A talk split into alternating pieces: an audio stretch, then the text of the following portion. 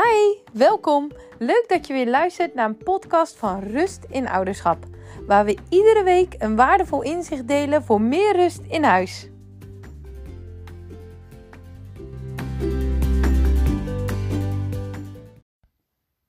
Leuk dat je weer luistert naar deze podcast. Vandaag ga ik het hebben over de emoties van jouw kind. Want van jongs af aan heeft jouw kind al heel veel te leren. Leren lopen, leren praten, leren schrijven en ook mag jouw kind leren omgaan met emoties. We vergeten vaak als ouder dat een kind dus mag leren om stap voor stap emoties te leren reguleren. En sta er eens bij stil. Wanneer je kind nu misschien schreeuwt omdat hij of zij baalt dat hij naar bed moet, hoe vaak zeggen we dan niet iets als: schreeuw niet zo, of doe eens normaal. Of op het moment dat je kind huilt als het een klein schrammetje heeft, en dat je dan als reactie geeft: maar daar hoef je toch niet om te huilen? Supermenselijk om zo te reageren. En iets wat we allemaal doen. Of misschien ga je zelf ook wel terugschreeuwen als je kind schreeuwt. Of word je er boos of geïrriteerd van. Dat herken ik zelf ook. Hè? Als ik moe ben en mijn zoontje van vijf reageert heel fel en brutaal. Dat hij nu wil dat ik hem ergens mee help. En als hij dan blijft doordrammen. En ik ben dus zelf ook moe. Ja, hoe makkelijk verval je dan niet om ook wat geïrriteerd te reageren. Of om bozig te worden. Maar denk nu eens terug aan toen je kind leerde fietsen. ik weet het zelf ook nog goed. Je kind begint misschien op een loopfiets of op een fiets met zijwieltjes. En je gaat je kind daarbij helpen. je geeft je kind een duwtje of houdt je kind vast in de nek. En je gaat samen rennen en je probeert je kind dan stap voor stap los te laten om te oefenen, om alleen te fietsen. En als je kind valt, dan help je met opstaan en zeg je: Kom, goed gedaan. We proberen het nog een keer je benadert het positief en je bent trots als je kind het lukt. En fietsen is dus een vaardigheid die je kind mag leren en wat je je kind stap voor stap aanleert. En zo moet je het ook zien met het leren omgaan met emoties. Leren omgaan met emoties vraagt heel veel verschillende vaardigheden.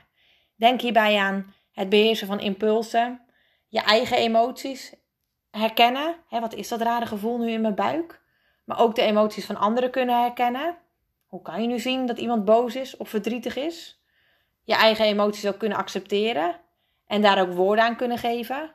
En dat zijn nog maar een enkele vaardigheden die je, je kind moet leren om om te leren gaan met emoties. En je kunt van je kind nog niet verwachten dat het zich al kan beheersen als een volwassene. Ze hebben dit nog niet geleerd en hun hersenen zijn ook nog niet voldoende gerijpt. En wij als volwassenen vinden dit zelfs soms ook nog moeilijk. Hoe vaak schiet je zelf niet nog uit je slof terwijl je eigenlijk op een andere manier had willen reageren? Of reageer je geïrriteerd op een collega terwijl het eigenlijk komt doordat je die ochtend veel strijd had met je kind? Maar eigenlijk verwachten we van een kind dat het vaak allemaal maar soepel en flexibel gaat en dat je kind gewoon doet wat je zegt. Maar zie het leren omgaan met emoties ook als het aanleren van een vaardigheid. En daarin mag je kind soms boos zijn of verdrietig zijn. En het is een leerproces en ze hebben jouw hulp daar als ouder hard bij nodig. En ja, dit gaat met vallen en opstaan. En sommige kinderen vragen daarin ook net wat meer ondersteuning dan andere kinderen. En ook dat kan je zien, net als met leren fietsen, lezen of schrijven. Er zijn kinderen die in groep 2 al kunnen lezen. En er zijn ook kinderen waarbij het meer ondersteuning vraagt en het net wat langer duurt of dat ze in een extra groepje komen om wat vaker te oefenen. En zo kan het ook zijn met het leren omgaan met emoties. Het ene kind kan prima zeggen hoe hij of zij zich voelt. En die kan ook snel doorhebben dat buikpijn kan komen door spanning.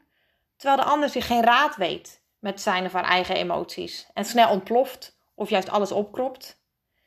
En heb jij nou ook een kind waarbij het emotiereguleren soms net wat meer aandacht vraagt? misschien heb je een kind wat snel fel, geïrriteerd of boos reageert. Of juist niet goed onder woorden kan brengen wat hij of zij voelt en heel gesloten is. En alles wat je inzet lijkt niet goed te werken.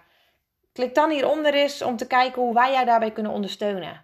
Want juist net een stukje meer ondersteuning kan dan zo helpend zijn voor jou en voor je kind. Wil ik je verder nog bedanken voor het luisteren naar deze podcast en tot de volgende keer.